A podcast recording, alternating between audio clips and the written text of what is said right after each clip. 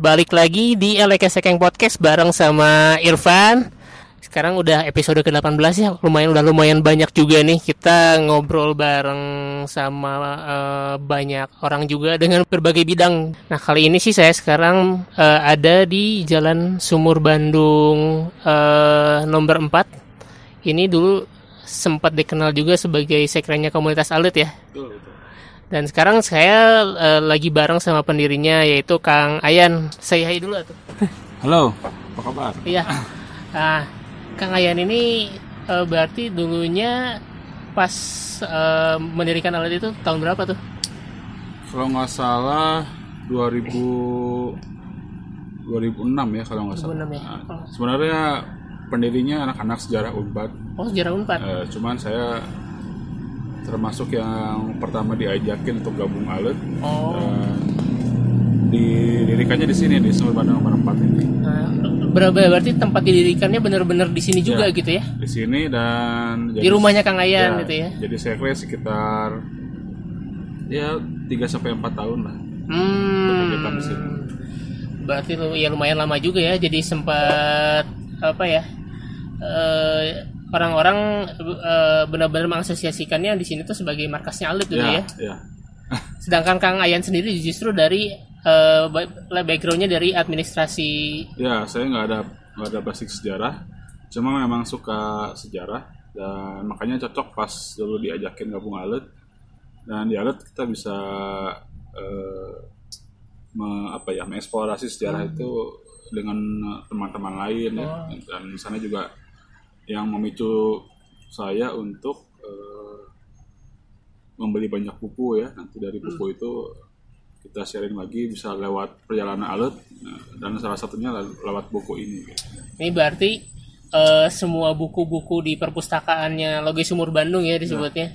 Ini semuanya dibeli ketika eh, gabung Alit itu. ya se Nyicil-nyicil. seiringan lah ya karena dulu eh, ketika kita ngalut itu kita dipaksa untuk bisa sharing ilmu ya. Dan itu yang memaksa kita buat membeli banyak buku saat itu buat buat research. Ini lumayan banyak banget bukunya di ya eh, perpustakaannya benar-benar apa ya personal nggak terlalu besar tapi padat banget sama buku. Bukunya juga ya ini udah overload. overload juga ya kayaknya. Udah nggak cukup. Terakhir eh, tahun lalu saya kan sempat ke sini juga gitu ya. Eh, nggak sebanyak ini. Jadi ada beberapa yang saya lihat ada buku-buku baru. Tapi yang pasti buku-bukunya banyak yang buku-buku tua. Ini dapatnya dari mana aja sih? Yang pasti ini Buku-bukunya. hunting. Eh, kalau dulu saya masih banyak waktu luang bisa keliling ke Cikapundung, ke Cihapit, ke ke apa namanya? ke pasar Palasari ya. ya Tapi kalau sekarang saya nggak punya banyak waktu, jadi sebenarnya udah intensitas huntingnya udah nggak terlalu tinggi. hmm. Tapi untungnya ada medsos ya, jadi Iya. saya lebih banyak belanja online, belanja online aja.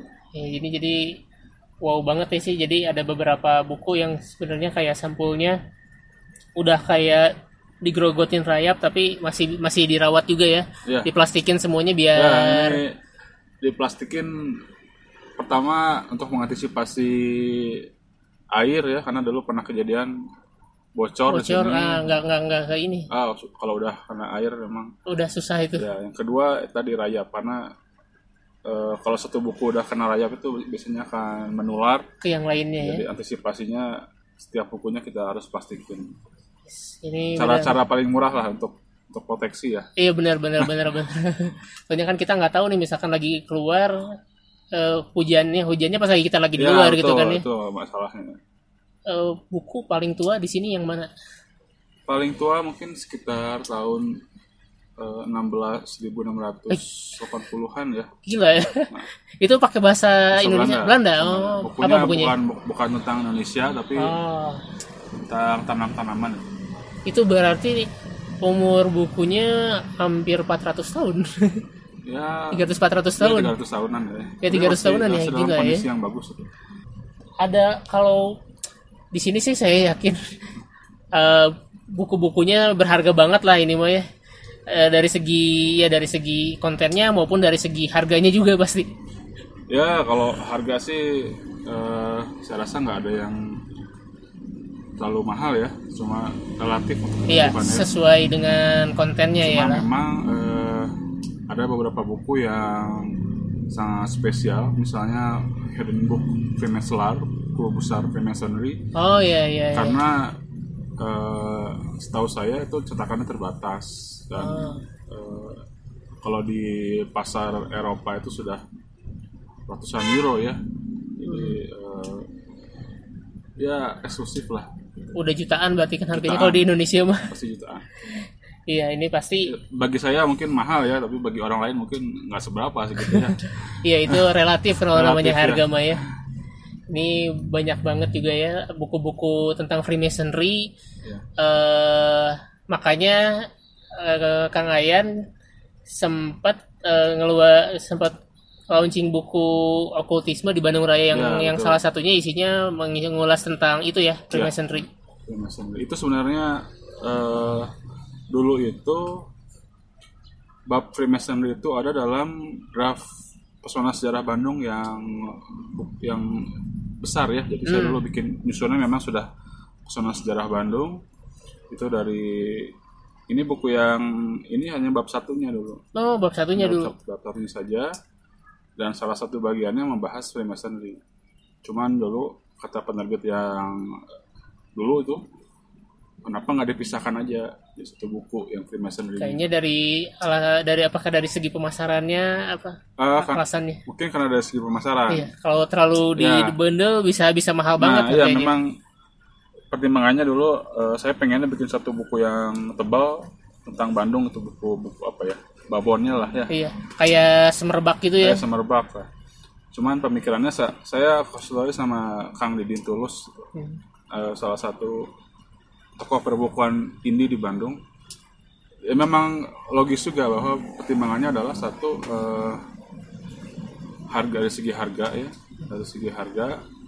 Terus terang saja orang kita kan masih mikir dua kali buat Betul. beli buku ya. Jadi saya berusaha supaya harganya nggak terlalu mahal dan eh, kalau di pisah-pisah seperti ini dipecah saya rencananya sekitar lima buku ini lima atau enam buku lah Lima bukunya termasuk eh, sama yang okultisme enggak? yang, Beda. yang seri PSB aja Oh, oke yang Bandung. seri PSB. Berarti terpisah lah dengan Terpisah, dengan ya. dengan si seri yang kemarin dibikin ya, yang okultisme.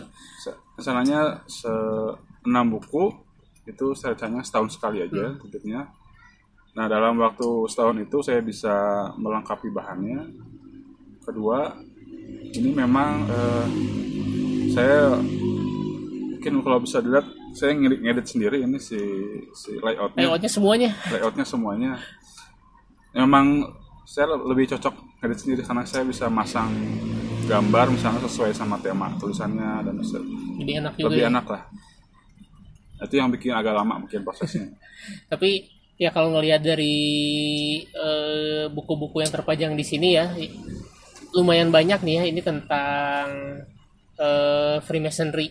Itu ketertarikan awalnya dari mana tuh? Kenapa kenapa eh, jadi cukup spesifik juga nih pas kemarin eh, pengen bikin buku pertama itu buku pertama ya yang Ya. okultisme oku- buku pertama yang ditulis dan diluncurkan itu tentang okultisme di Bandung di Bandung dulu. oke sebenarnya awalnya saya memang udah tertarik sama Freemasonry ya. Tapi dari sudut pandang eh, dari konspirasi. Pasti semua orang pengenalan awal terhadap Freemasonry pasti dari sudut pandang eh, dari konspirasi ya. Dan makanya saya nggak bisa menyalahkan orang yang mempercayai bahwa Freemasonry identik sama konspirasi. Karena saya sendiri awalnya mengenalnya dari teori tersebut. Cuman ke sininya setelah saya menemukan beberapa literatur eh, Belanda semua saya pelajari isinya memang tidak ada yang berhubungan sama sekali sama Freemasonry. Sama dengan sama konspirasi ya.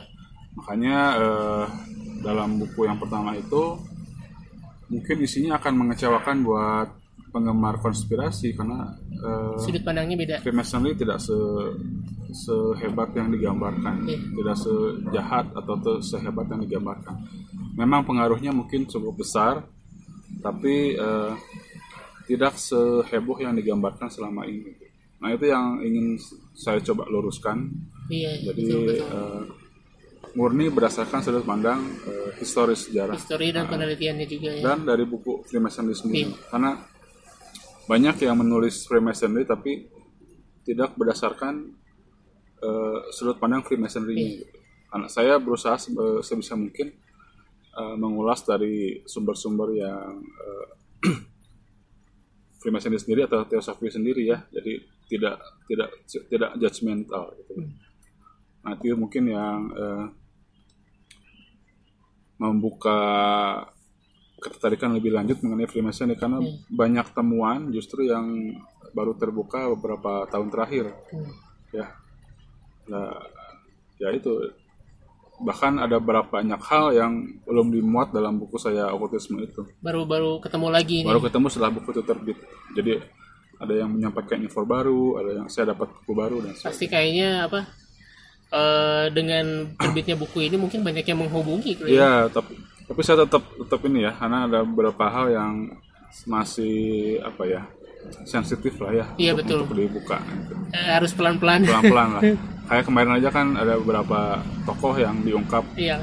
Salah itu satunya kan Bupati Bandung. Bandung ya. Iya, Itu ternyata. kan eh, agak tapi saya luruskan bahwa tujuan masuknya adalah seperti ini Iya. gitu ya.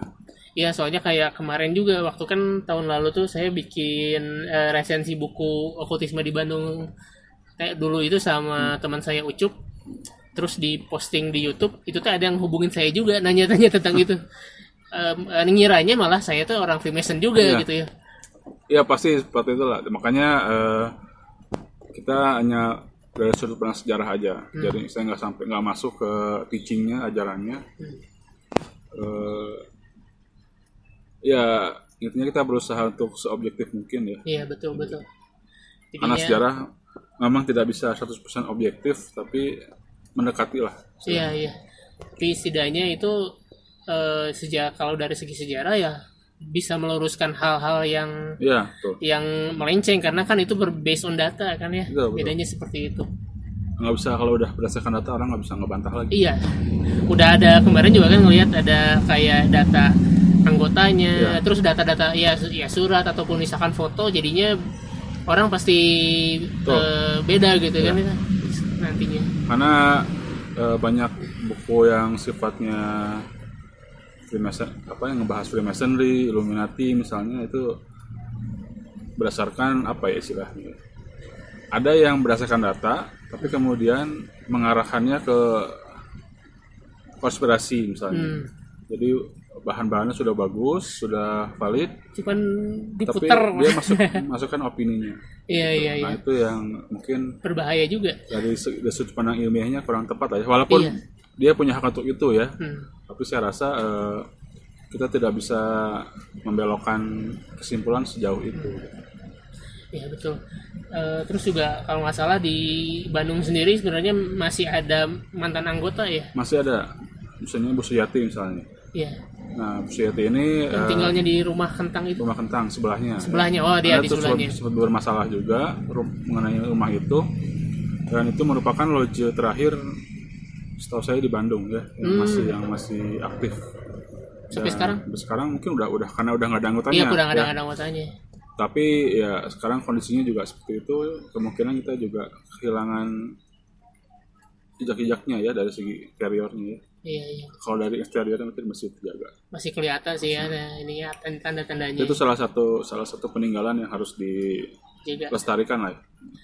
Tapi nanti eh, kan katanya eh, setelah buku itu terbit muncul-muncul eh, muncul info baru ya tentang Freemason. Apa nanti bakal ada lagi nih di buku selanjutnya saya dimasukin? belum ada rencana untuk bikin buku Freemason lagi Cuman mungkin diselipkan kali ya. Eh, kemungkinan teman saya nanti yang yang lebih expert lah ya Kang Sam. Mungkin yang lebih tahu tentang Freemason. Tapi saya juga tetap eh, support data untuk beliau gitu. saya sebenarnya nggak mau di- di- diidentikan dengan spesialis Freemason ya.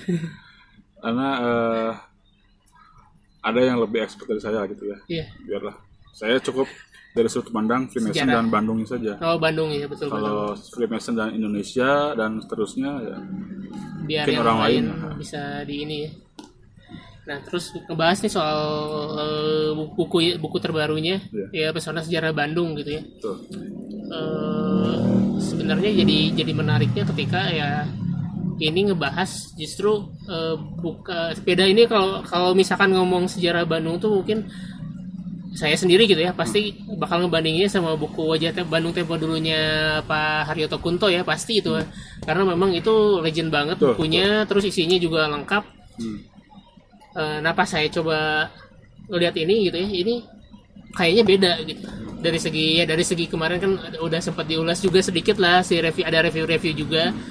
Ini bercerita tentang eh, Bandung justru sebelum ya tadi sampai sesuai dengan covernya sampai awal abad Abad 20. 20, ya. Jadi justru banyak juga yang saya lihat tuh dari tahun 1600-an gitu kan termasuk juga prasejarah juga ada ya. Ya. Prasejarah dari kayak di Gunung Kapur di daerah Padalarang. Betul. Terus juga Gunung Papandayan juga nyampe ke sana gitu ya. Ya memang eh saya memang terinspirasi sama Pak Kunto ya pasti semuanya terinspirasi sama beliau. Eh cuman yang saya belajar dari beliau adalah eh, memang setiap setiap penulis Bandung itu ada plus minusnya ya, Iya. karena dia punya interest tersendiri. Iya. Misalnya Pak Kunto dia sifatnya storytelling ya, jadi bercerita tapi eh, dalam Masukin sisi lain data-data. datanya eh, mungkin apa istilahnya ya agak loncat loncat ya kalau kita baca wajah Iya, Bandung betul dulu betul. pembahasannya loncat loncat itu jadi kalau untuk bercerita itu enak sekali Iya. tapi Lebih populer Ah. kayaknya ya. kalau buku lain misalnya yang dikeluarkan sama guru besar sejarah atau orang-orang sejarah misalnya itu sifatnya kan textbook textbook jadi memang sistematis tapi untuk penceritaan sejarah itu eh, kurang enak ya Hmm. Nah, jadi saya berusaha memadukan dua style itu Iya. satu hal satu sisi eh, tetap storytelling bercerita tapi satu hal lagi eh, sistematisnya lebih lebih lebih. Lebih tuntut terang. lah ya Nah, Ya, jadi kalau misalkan saya ini saya belum baca semua, baru baca 30 halaman tapi udah di skimming eh, sampai akhir. Eh, emang dari awal tuh ceritanya tentang prasejarah dulu, terus baru ke eh, mulai ke eh, era kolonial Belanda, baru sampai terakhir yang zaman Dendel sama Andres de Wilde Ya, gitu ya. Nah itu juga eh, jadinya kalau misalkan saya baca sih menariknya karena datanya padat banget, datanya padat banget sih. ya bisa dibilang padat banget. Kalau misalkan ngelihat eh, sama bukunya Pak Kunto yang tadi kalau saya nilai sih sebenarnya lebih populer gitu ya, lebih populer itu maksudnya dari segi karena cara pembawaannya dia ya. Kadang-kadang ada bercanda penjandanya ya dikit itu. ya. ya tuh, tuh. itu gaya dia yang dia, ya. enak. Di- itu yang satu hal mungkin ya karena Pak Kunto itu bukan berdasarkan bukan basicnya sejarah. Ya basicnya juga dari ITB sebenarnya ya. Eh, tapi memang karena hobinya eh, sejarah jadi dia juga banyak bergaul dan dia sebenarnya awalnya itu menulis di koran sebenarnya Hmm, iya di Pilihan PR Rakyat. ya, ya betul. Jadi buku Wajah Bandung itu merupakan kompilasi dari tulisannya di PR. Eh, nah jadi basicnya adalah tulisan di PR itu yang ditumpahkan ke dalam buku. Memang yang agak eh, masterpiece-nya adalah yang Semerbak ya. Iya, Semerbak. Karena itu kalau menurut pengakuan Ibu Kuntonya itu eh, salah satu legacy kebanggaannya Pak Kunto. Gitu. Nah kalau eh, di sisi lain, eh, misalnya kalau kita buku Pak Katam misalnya, buku Pak Katam itu kuatnya di hal gambar misalnya. Banyak Karena foto-fotonya. beliau kan kolektor foto, kartu pos, ya. Iya, pasti kalau bukunya Pak Katam tuh ya banyak tulisan, Jadi tapi album. di belakang Nah, iya albumnya pasti bu- banyak banget Judulnya foto-foto. judulnya album biasanya. Iya, iya. Walaupun beliau juga kalau kita lihat buku-buku lainnya memang researchnya sebenarnya eh, serius juga. Iya. Nah, cuman eh, perlu ada regenerasi. Nah, Saya juga nanti mungkin dari siapa pun yang mesti ada yang men- kalau kata Kang Hawe mesti ada yang terus Menjalanin ini. eh, karena sejarah Bandung itu kan berjalan terus ya. Iya. Misalnya saya mungkin akan berhenti di eh, tema tertentu nanti akan ada yang Menggantikan karena yang saya lagi- rasa ini juga belum lengkap ya Iya, saya rasa buku sejarah apa pun nggak ada yang lengkap termasuk buku yang saya ini karena selalu ada yang riset pasti lagi. pasti eh, dan ini kekurangannya adalah saya nggak pernah nggak pernah riset di perpusnas Hmm, jadi buku-buku pesona Bandung apa pun itu walaupun datanya banyak eh, saya nggak sempat atau nggak punya waktu untuk research ke Jakarta. Padahal di sana kayak sekali eh, data sejarahnya di perpusnas dan saya juga nggak research secara wawancara. Mungkin ada orang-orang yang masih mengalami masa Bandung Tepo dulu ya. Tapi saya nggak. Semuanya hanya berdasarkan buku yang bisa saya akses di rumah gitu. Iya. apakah itu beli buku lama atau saya akses di eh, perpustakaan online. Hmm, Jadi kalau misalnya orang punya effort lebih, punya sumber daya lebih, bisa mengakses perpusnas misalnya, saya yakin dia bisa bikin buku yang lebih lebih baik lagi. lebih baik lagi pasti. Iya, tapi yang pasti mah ini eh, dengan dibikinnya buku ini eh, orang-orang ya pasti lebih lebih banyak aksesnya ke sini ya gitu ya. Iya, betul. Kan asalnya juga saya ingat tuh waktu beberapa tahun ke belakang ya sempat mau launching yang buku yang lumayan tebal Nah, itu kan betul. di Landmark Braga ya pas Betul. lagi pameran buku. Cuman gak jadi gitu. Nggak jadi. Sempat sempat sempat wah ini berapa eh, katanya setengah tahun lagi atau setahun tapi kok nggak muncul-muncul nih. Iya. Akhirnya jadinya dipecah gitu. Jadi pecah. Biar enak sih saya juga mikir-mikir lagi kalau misalkan udah nyampe 500 ribuan Ya. waduh berat tapi kalau udah kayak gini orang pasti mikir kalau beli buku di atas 100 ribu ya. iya Jadi kalau di bawah 100 ribu ini 200 mah ribu masih bisa lah. Sekali sekali main ke kafe lah. Gitu. iya kalau dari 100 ribu pasti mikir lokal. Saya juga sama gitu. Misalnya kalau beli buku dari 100 ribu pasti mikir dulu.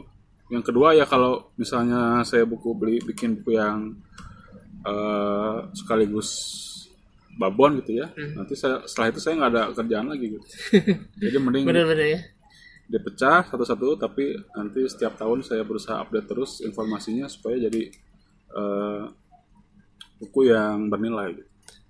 terus juga kalau misalkan eh, kemarin saya lihat itu di storynya Kang Ayan katanya udah tinggal 50 pieces lagi ya Ya mungkin sekarang tinggal 30 lagi. 30 lagi ya itu emang bikinnya terbatas Saya- berapa banyak Saya cetak 200 oh, oke dan ini dalam waktu seminggu udah sisa 30 lagi. rencana ada rencana cetak ulang Ada tapi eh, lihat antusiasme dulu lah oh, ya. iya iya benar Karena saya rasa yang eh, beli ini eh, masih lingkungan lingkungan terdekat lingkungan saya. terdekat juga Jadi ya saya belum nanti kalau misalnya sudah banyak permintaan baru kita usahakan untuk cetak ulang. masih dengan penerbit yang ini ya Masih masih. akhirnya eh, oleh buku oleh oleh buku Bandung tuh kerjasama sama Kang Denny Rahman ya Ya, sebenarnya penerbitnya Layung. oh Layung itu kenapa saya pilih Layung karena Layung ini spesialisnya di buku yang kesundaan ya. Hmm. penulis-penulis Sunda kayak Kang Hawe, Kang Kang Teddy, terus Kang Atep, eh, Kang Jajang Aromana misalnya eh, selalu menggunakan layung gitu. Dan saya juga ingin dianggap bahwa eh, buku ini termasuk ke dalam khazanah eh, kesundaan sebenarnya. Karena eh, bagaimanapun Bandung bagian dari wilayah Sunda ya. Iya. Dan, dan saya ingin eh, ini sebagai kontribusi saya ke Bandung dan ke kesundaan secara umum. gitu. terus eh, untuk yang akan diterbitkan tahun depan ini bakal bercerita tentang apa nih mungkin ada kisi-kisinya Oh, nih saya rencananya perkebunan di Periangan untuk Ah, yang, oke, yang PSB 2-nya. boleh diceritain nggak selain dua itu nanti bakal ada jilid apa aja nih yang mungkin bisa ditunggu nih sama teman-teman pegiat sejarah rencananya ya. Rencananya buku keduanya tadi perkebunan, buku ketiganya pendidikan dan pergerakan di Hmm. Bandung. Buku keempatnya eh, masa masa keemasan ya. Jadi lanjutannya Hmm. jadi sekitar 1900 sampai 1940-an. hmm. Nah, ini yang datanya sebenarnya banyak Iya. ya. Jadi nggak tahu saya akan jadikan satu buku atau dua buku itu. ya karena ya banyak banget lah Banyak itu mah ya datanya. Terakhir ya tentang arsitektur. Jadi oh, itu menarik lima juga atau enam buku. ya. ya lumayan lumayan apalagi ya kayak arsitektur tuh ya lumayan ya lumayan pop- populer juga Ya, ya. jadi lumayan saya disenangi. nggak akan ngebahas eh, teknis. Jadi misalnya ki- kita akan ngebahas beberapa bangunan monumental di Bandung dan nanti eh, sejarahnya seperti apa itu lebih mendalam lagi. Karena ada beberapa hal yang memang agak sulit untuk mengklasifikasikannya ya. Misalnya saya kayak Freemasonry aja. Freemasonry itu saya dulu nulisnya di bagian sebenarnya bagian dari bab yang bangunan sebenarnya. Hmm, Saya ngebahas bangunan Xinyan, kemudian research datanya, ketemu sejarah Freemasonry. Masonry dan langsung lanjut Nah. ke mana-mana. Betul. Kan susah, kan susah makanya saya itu di, di Pisahkan saja. pisahkan. Itu jadinya ya apa ya buku yang menarik juga karena belum ada ya sejauh ini belum ada. belum di yang membahas tematik tentang buku Freemasonry Kalau- di Bandung. Kalau secara Bandung belum ada. Kalau kalau orang luar ada yang ngebahas tentang Indonesia ya. Iya, Freemason Indonesia ada, tapi kalau yang lokal Bandung saya rasa belum, belum ada. ada. Ya, itu yang bikin menarik. Tapi buku itu masih bisa dibeli Saya rasa masih ada eh di online ya. oh, di online. Saya sendiri nggak nyetok, udah jadi kurang langka kayaknya. Ya udah lo udah itu itu nyetak kalau dulu nyetaknya agak banyak, eh, Iya. sekitar sekitar seribu itu. itu di eh tahun berapa tuh itu pas terbitnya? Itu 2000 berapa ya? Saya nikah 2011 mungkin ya? 2011 ya? Enggak enggak. Saya sekarang 2000 2014an. 2014 ya 2014 tapi eh, mulai kalau misalkan saya baca pas di kata pengantarnya ini eh, mulai risetnya dari 2011 ya Iya, saya risetnya sejak alat sebenarnya. sejak alat ya Alat kemudian awalnya saya nulis di blog, cuman kan sayang ya cuman Kalau di blog berakhir kan- di blog doang karena nilai tulisan di blog itu tidak dibanding jurnal atau buku kan Iya. kurang-kurang ilmiah lah ya. apalagi bisa dicomot-comot sama Nah, orang sembarangan Kenapa nggak diseriusin sekalian dalam bentuk buku? Jadi lumayan panjang sebenarnya penulisan buat buku ini tuh gitu kan Ya, betul. sampai akhirnya sampai jadi sekarang tuh Ya, memang eh, saya pengen bukunya se maksimal kemampuan saya gitu ya. Eh, ya sebisa mungkin sejauh mungkin data yang saya dapat gitu. Iya. Nah, terus juga eh, sempat sih saya lihat dalamnya tuh sebenarnya ada beberapa yang ya kayak ya bukan kayak tapi memang eh, ngambil dari bukunya Teh Bahtiar, Bapak Teh Bahtiar sama Pak Budi Bram ya, Ya. yang terutama ya kayak ngebahas tentang apa yang di Ya, Bandung Barat tuh lupa ya Gunung bocornya, Kapu, ya. nah bocornya Danau Bandung ya. Danau Bandung kan juga. Temuan terbaru sebenarnya karena selama ini tahunnya di Sanghyang Tikoro, cuman ternyata bukan di situ temuan kan. dari Kang almarhum Pak Budi sama Kang Teh Bahtiar ya bukan di situ.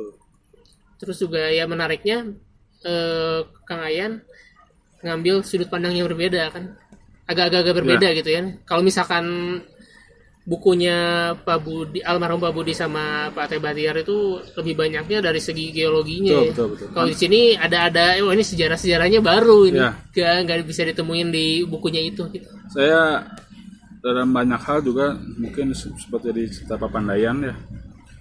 Saya banyak ceritanya mengenai legendanya Hmm. karena eh, itu hal yang menarik untuk diceritakan karena nggak semua hal nggak semua orang tertarik sama arsitektur sama Iya, betul, betul. geologi tapi Makanya- kalau kita cerita legend cerita nanti ada ada beberapa bagian saya ngebahas jurik juga hantu ya misalnya itu hal yang bisa menarik buat semua orang. Iya. jadi tujuannya adalah kalau saya di ininya bilang ya Bandung itu sebagai sebuah museum yang besar gitu ya. Nah ini buku buat guide-nya sih Hmm. jadi guide-nya bakal cerita dari sini dari buku ini. Dan ketika dia cerita dia nggak harus cerita yang tahun segini gitu ya. Tapi dia cerita yang sejarah-sejarah kecilnya gitu. Ini ada legenda ini loh ada cerita rakyat seperti ini loh gitu. nah itu yang bikin pengunjung buat tertarik Hmm, oke. Eh, jadi dalam buku-buku PSB nanti saya berusaha eh, buat menggali cerita-cerita yang menarik buat untuk masyarakat. masyarakat. Makanya ada Jadi bahas, juga ya Sangkuriang. jadi kalau dari segi sejarahnya ada tapi saya juga menambahkan hal-hal yang mungkin dari segi sejarah nggak terlalu ilmiah ya Iya, tapi itu tapi hal yang menarik masyarakat. Tapi tetap bukan saya ngarang gitu ya Iya. saya tetap Ada. berdasarkan literatur Iya, iya. Ini juga kan kayak saya waktu bacanya bukunya Pak Budi itu ada tentang ya ternyata eh, Sang Kuryang itu udah dari zamannya tahun 1600 juga udah udah dibahas ya. bisa jadi Bisa jadi jadi sebenarnya bukan bukan karangan baru-baru ini tapi udah udah Ya. dari dulu udah ada. Ya, kemungkinan udah dari zaman nenek moyang Bandung ya Iya. Cuman eh, mulai di dokumentasikan secara tertulis pada zaman-zaman itu. Karena zaman dulu orang buat menyampaikan suatu kejadian alam itu memang lewat legend. Iya, lewat eh, cerita yang diturun temurun diwariskan Iya, dan dari itu- mulut ke mulut aja. itu kan ada selain peristiwa kejadian Bandung juga ada ada pesan lain ya. Iya, misalnya larangan incest misalnya ya. Ada hal-hal lain yang bisa digali dari kisah tersebut dan banyak banyak legend lainnya. Nah, eh, mungkin bicara soal lainnya, eh, Kang Ayan sendiri ya selain eh, nulis buku tentang sejarah, terus juga sempat eh, eh, jadi salah aktif juga di Alit ya waktu itu. Sem- terus juga jadi salah satu eh, tim perancang musim Kota Bandung kan ya.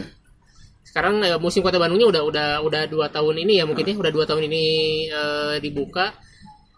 Katanya rencananya masih ada penambahan-penambahan lagi. sebenarnya tugas saya di museum itu sebenarnya udah beres karena Oh, Oke. saya di museum itu dulu dipercaya RK untuk kurator kurator itu orang yang apa ya memilih dan menyusun materinya Oh, Oke. kalau secara materinya sebenarnya udah beres ya materinya udah kita udah kerja udah beres tinggal sekarang eh, pelaksanaannya untuk produksi dan apa Isi ya bagian isi, dalamnya. isi isi museumnya itu kan di luar- bagian kita Iya.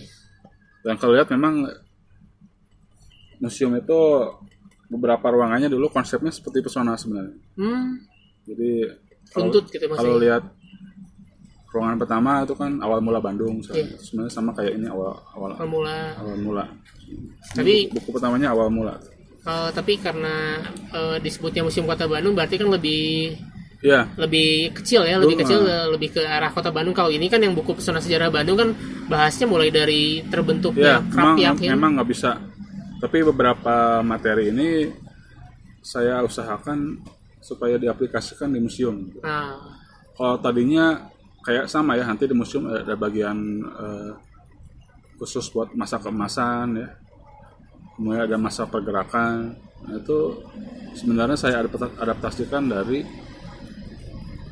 bagian-bagian dari PSB karena saya rasa itu kan masa-masa yang apa ya masa tahun 20-an sampai 40-an itu masa keemasan sekaligus masa pergerakan. Hmm, tapi kita nggak bisa masuk itu dalam satu ruangan yang sama Iya, karena itu betul. dua dua hal yang berjalan berarah- bersamaan tapi beda. beda tema Betul. makanya harus dipisah antara eh, masa keemasannya itu dari sudut pandang Eropanya kemudian dari sudut pandang pribibinya masa pergerakan Hmm.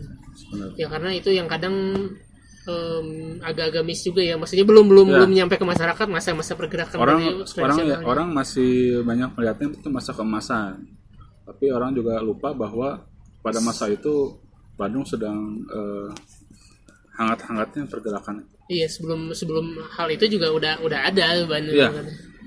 Nah, berarti sekarang udah udah beres ya di musim kota Bandung. ya pekerjaan saya sebenarnya udah beres Tapi masih ya suka minta dibantu-bantu lagi ya gitu. kan. karena masih pengecekan ya Hmm. Ada beberapa koreksi lagi Ah, pasti ada koreksi ya kayak buku ini juga sebenarnya kalau lihat ada beberapa kesalahan juga typo lah Eh, museum sedang kita cek ulang untuk meng, apa ya mengklarifikasi beberapa data. Tapi itu eh, bisa sampai diajak langsung sama RK tuh?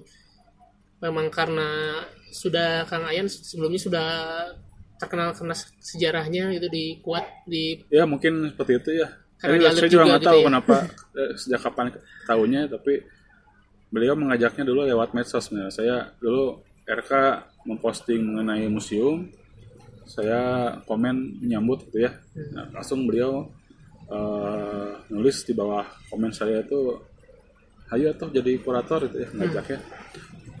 Itu udah putus tuh. Beberapa waktu kemudian saya ketemu di jalan ketemu RK RK Ki eh, nanti ketemu sama Kadis ya Kadis Disputpar Ya, saya akhirnya sama ajudannya dihubungkan sama Kadis Kadis menghubungkan saya sama tim museum.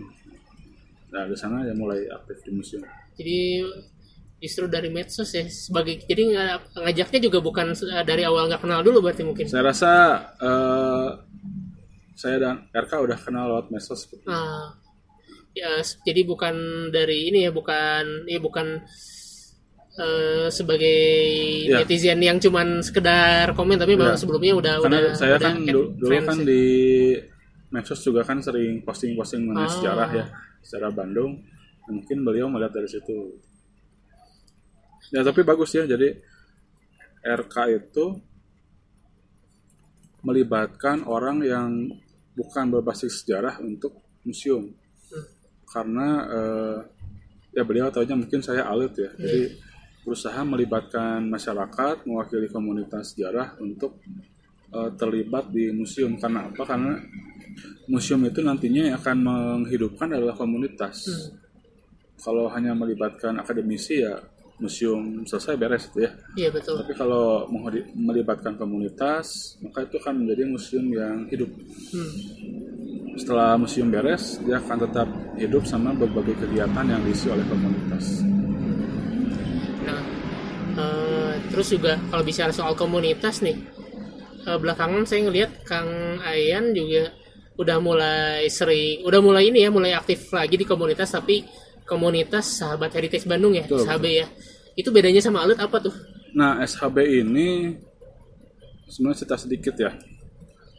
Saya waktu dulu alet eh, tujuannya memang untuk eh, me- apa ya? Mengekspresikan hobi saya dan supaya bisa berdiskusi soal sejarah. gitu. Tapi memang eh, saat itu kan isinya masih anak-anak muda ya, Iya. jadi enak gitu yang masih seumuran sama saya lah. gitu. Tapi setelah saya kerja kan saya nggak punya banyak waktu luang buat berkomunitas sama alat nggak enak juga. Jadi kan saya eh, regenerasi lah. Sekarang Iya. saya rasa udah banyak yang baru-baru Iya gitu, betul. Yang lebih muda dari saya. Nah biar aja itu yang penting kan tetap jalan komunitasnya Iya. dan eh, punya akan punya warna tersendiri gitu. Nah saya mencari sekarang eh, SHB ini sebenarnya awalnya adalah dulu waktu setahun lalu saya di Semarang ada acara arsitektur Sun Frontiers ya jadi kita disuruh presentasi tentang heritage di sana. Saya ngambil temanya adalah media sosial dan heritage studi kasusnya grup Facebook bangunan kolonial Indonesia saya research mengenai gerak medsos itu dan sampai pada kesimpulan bahwa eh, ada banyak orang yang berminat sama heritage, Hmm. terutama di medsos di bangunan kolonial, tapi tidak jadi apa-apa, Ya tidak ada outputnya tidak ya. ada outputnya. Itu hanya bisa jadi output kalau orang-orang itu mengadakan kegiatan secara nyata, eh, istilahnya apa ya, kopi darat lah ya, minimal dia berkumpul secara secara nyata di di lapangan gitu. Oke, akhirnya saya dengan beberapa orang anggota eh, sebagai pertanggung jawaban saya terhadap terhadap penelitian saya ya, saya beberapa- sama beberapa anggota bangunan kolonial yang di Bandung itu mulai ketemuan terus merancang SHB ini. Dan jadi tujuannya adalah sebenarnya awal dari SHB adalah untuk mewadahi orang-orang yang tergabung di grup Facebook bangunan kolonial, eh, tapi dia ingin berkegiatan secara bersama. Jadi kita buat SHB. Yang kedua adalah kalau dilihat anggotanya memang tua-tua gitu, Iya. senior. Oh, oke oke. Bedanya itu ya. Bedanya itu. Jadi bedanya sama Alut itu. Benar Alut eh, secara segmentasi itu anak muda. ya Ya dan aktif banget kan Aktif. setiap minggu teh Heeh. bisa 2 sampai 3 kegiatan. Betul. Saya aja nggak kuat sama.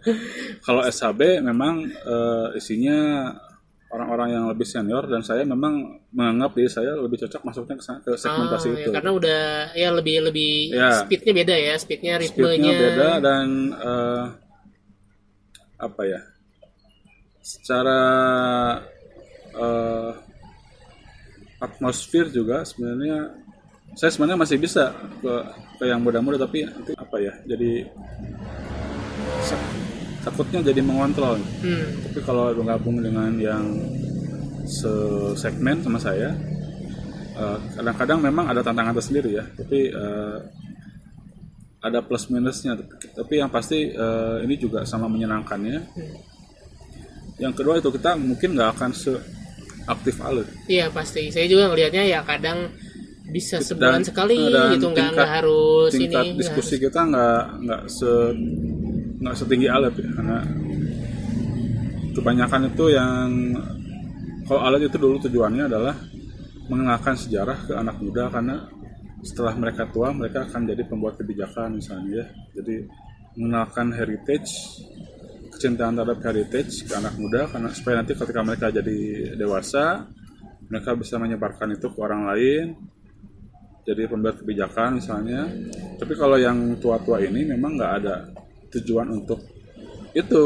Tujuannya hanya untuk murni satu bagaimana kita bisa menikmati heritage bersama. Jadi bisa bareng-bareng ke mana gitu ya. Kedua ya eh, sebagai arena diskusi aja. Hmm. Jadi nggak sampai ke harus eh, research itu nggak sampai. Kita udah bisa mengunjungi heritage bareng-bareng, kemudian eh, foto-foto misalnya sedikit materi itu udah udah sudah menyenangkan cukup. ya Iya. buat buat eh, teman-teman di Betul. Sahabat Heritage Bandung. Tapi berarti di sana mungkin nggak semuanya se- orang sejarah juga berarti kan? Nggak nggak makan bahkan nggak ada mungkin Nggak ada ya. nggak ada. Jadi memang- sama lah ya dengan dengan alat juga banyaknya justru nggak ada yang sejarah Mm. ya tapi yang pasti eh, minat terhadap sejarahnya ada. tinggi. Iya. Tapi berarti eh, ini eh, dengan nama eh, Sahabat Heritage sudah jelas si segmennya benar-benar arahnya ke bangunan. Ya, tapi pasti ya kita kalau ngebahas bangunan pasti Ngebahas yang pasti, lain juga. pasti ke sejarah juga. Dan uniknya DSHB ini kita ini didirikan eh, Desember 2019 ya. Itu di makam, makam Pandu. Jadi setiap kegiatan kita harus mengunjungi makam. Hmm. Karena di makam itu ya pasti ada kita bisa mengenang tokoh, mengenang sejarah dan lebih dalam lagi. Iya. Terus ini untuk eh ke depannya nih Hmm. rencana Kang Ayan apalagi nih untuk di sisi sejarahnya apakah ya kalau tadi bikin buku sih udah jelas Iya. apalagi nih selain itu Saya sih tujuannya memang eh, satu buku ya, kedua eh, ya dari menyebarkan mengembangkan komunitas saja. hmm, Sebenarnya kan sejarah kan bukan bukan bidang saya ya. iya betul Saya ngajarnya juga bukan sejarah. Eh, ngajar di Almasum bukan bukan ya eh, desain sama komputer ya sama Oh. sama apa namanya metode penelitian ya. hmm, Jadi eh, sejarah ini akan tetap jadi sampingan saja. hmm, Tapi yang pasti eh, tujuannya dengan buku ini adalah ada legacy yang bisa yang jelas ya nih yang diwariskan yang juga diwariskan. karena eh, buku itu salah satu contoh nyata bagaimana orang bisa mengenal kita Betul, betul. Karena sebaik apa pun kita di pekerjaan kita ya tetap tidak akan yang saya pelajari ya. Yang saya pelajari dari sejarah adalah orang itu tidak akan dikenal dari sebaik apa pun dia di pekerjaannya gitu. Tapi apa yang bisa dia eh, Hasilkan. hasilkan di masyarakat. Jadi mau jadi eh, bos apa pun itu kalau dia tidak punya eh, kontribusi ke masyarakat ya tidak akan dikenal dalam sejarah. Iya. jadi memang kuncinya memang bermanfaat juga buat, di, ya buat masyarakat intinya ya. gitu. Saya- Karena kalau misalkan buat bermanfaat di perusahaan ya udah cuma dikenalin di Betul, perusahaan aja. betul. Ya, saya inginnya eh, lebih bisa kontribusi ke masyarakat apa pun itu ya. Iya. Ya, oke deh. Mungkin bincang-bincang kali ini sampai segitu aja. Ya, mungkin nanti kapan-kapan saya bisa gabung juga sama sahabat Heritage Boleh, Bandung. boleh, boleh. Karena kayaknya segmennya saya juga udah mulai ke arah sana. Tapi sana juga ada ada anak kecil. ada anak-anak. Iya, Kak, saya ngelihat eh, banyak yang eh, bapak-bapak yang bawa anaknya juga buat Iya. jalan-jalan. Kita kalau Alut kan masih suka memotoran gitu Iya. ya. Nah ini udah kita udah nggak bisa ini makanya kalau jalan-jalan Iya. sewa bis, sewa mobil. Iya, iya. Kemarin juga ke Tasik ya terakhir. Asik, ah. Rencana ke mana lagi? Sabi. Kita bulan Agustus ini ke Rengas Dengklok Wow. karena di sana ada peringatan 17 Agustus Iya, ya. iya. Oh iya benar ya. Jadi eh, nyambung juga. Nyambung ah. Iya. Tetap walaupun kolonial kita tetap ke yang kebangsaannya juga Ada ini. Oke deh kalau gitu. Makasih banyak nih Kang Ayan atas waktunya. sama-sama. Kita jumpa lagi di eh, podcast Reka yang berikutnya. Bye bye.